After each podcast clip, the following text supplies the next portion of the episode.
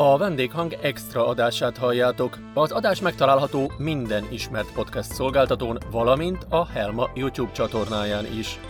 A vendéghang extrában a Helma kiadónál megjelent ingyenes hangos könyveket hallhatjátok folytatásos sorozatban.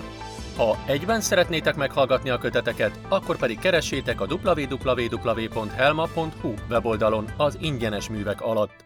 Mindenkinek jó szórakozást kívánunk! Az előző héten sugárzott adás folytatása következik.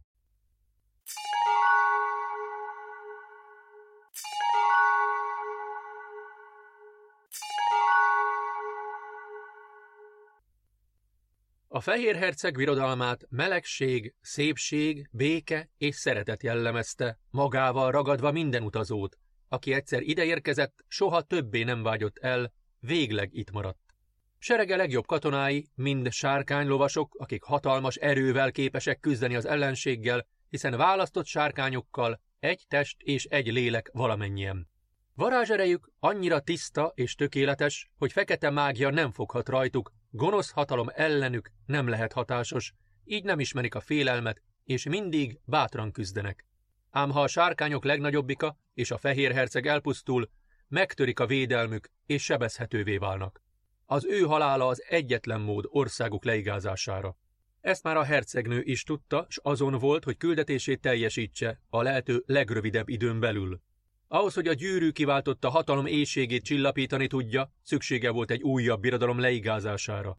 A hódítás volt az egyetlen, ami megelégedettséggel töltötte el, hát lépnie kellett.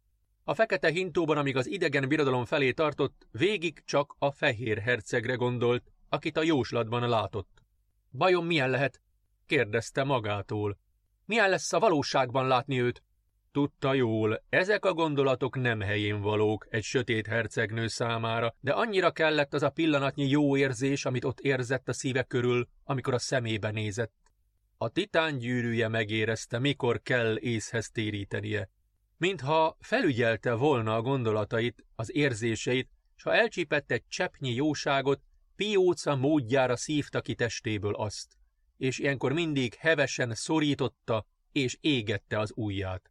Hogy néha mennyire gyűlöllek, szólt rá dühösen, de az akkor sem engedett a szorításából.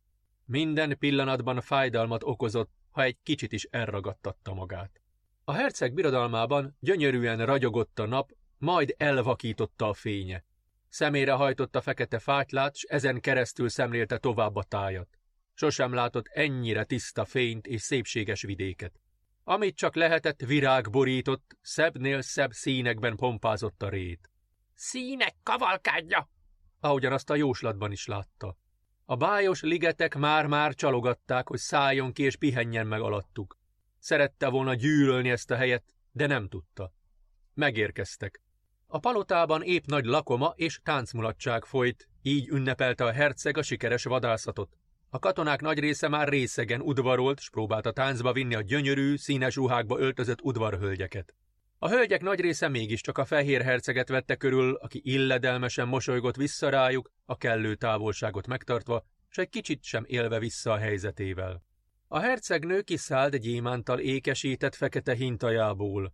Alabástrom fehér bőre úgy ragyolt a fényben, hogy minden szem azonnal reálszegeződött, amint a bálterembe lépett. Bár túlvilági jelenségnek hatott, gyönyörűsége mégis beragyogta a palotát. Nem kellett fekete mágia és bűbáj ahhoz, hogy csábító legyen. Egy pillanatra mindenki elhallgatott, s a csöndben, ahogy lépkedett előre, a herceggel egymásra néztek. A hercegnő közeledett felé, majd illedelmesen meghajolt, így téve üdvözletét. A katonák újból mulatozni, a zenészek zenélni, a hölgyek pedig önfelett táncba és hancúrozásba kezdtek. A sötétség hercegnője gyűlölte a mulatozást, gyűlölte a nevetést, a boldogságot, de most uralkodnia kellett magán. Hatalma nem volt a herceg birodalmában. A herceg felállt, elindult felé. Kíváncsivá tette vendége titokzatossága, egyedisége, szépsége. Pár lépést elé ment, hogy üdvözölje. Gyengéden fogta meg apró kezeit, s tekintetével a szemeiben elmélyülve csókolta meg a készfejét. Attól a pillanattól kezdve többé már nem szabadulhatott az éjfekete szemek fogságából. A hercegnő lelkét életében először hatalmas melegség árasztotta el. Próbálta uralni, de annyira kellett az a vágy, annyira jó volt érezni, mintha eddig nem is élt volna.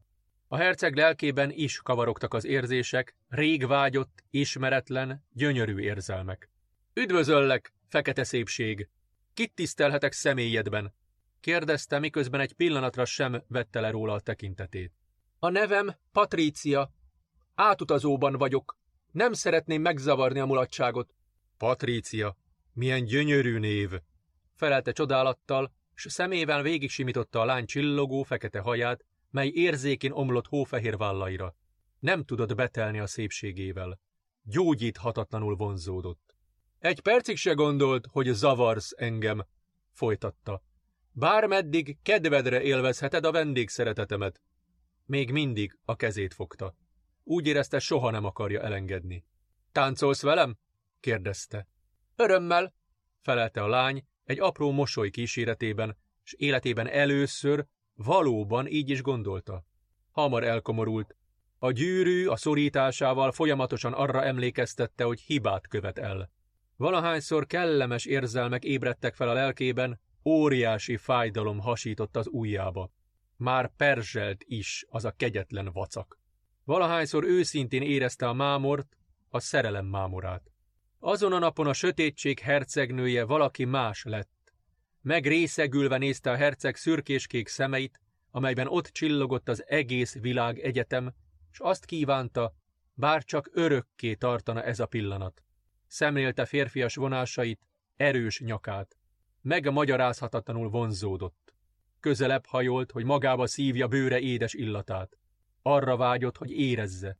Hogy érezze, hogyan a bőre hozzá simul az övéhez. Lelkében a sötétséget feloldotta a fény, ami mi más lehetett volna, hanem a szerelem. Saját csapdája rabja lett, s bár tudta jól, egyiküknek meg kell halnia, ma nem akart gondolni rá. Lehúzta a gyűrűt az ujjáról, s a ruhájába rejtette anélkül, hogy bárki is észrevette volna. Lehúzta a gyűrűt az ujjáról, s a ruhájába rejtette anélkül, hogy bárki is észrevette volna. Még mindig táncoltak, el sem tudták engedni egymást. A hercegnő a férfi karjaiba bújt, mire ő magához húzta karcsú testét, majd szerelem ittasan ajkuk egybefort. A vágy hatalmába kerítette őket, s győzött mindenek felett. Még azon az estén az egymáséi lettek, csókjaikkal kényeztetve egymást, vágyott, csodálatos érzelmek feltérképezhetetlen bűvöletében. Az eddig meg nem tapasztalt boldogság érzése, s szerelmük beteljesülése egy életre megpecsételte sorsukat. A hercegnő hajnalban ébredt, lelkében óriási zűrzavarral.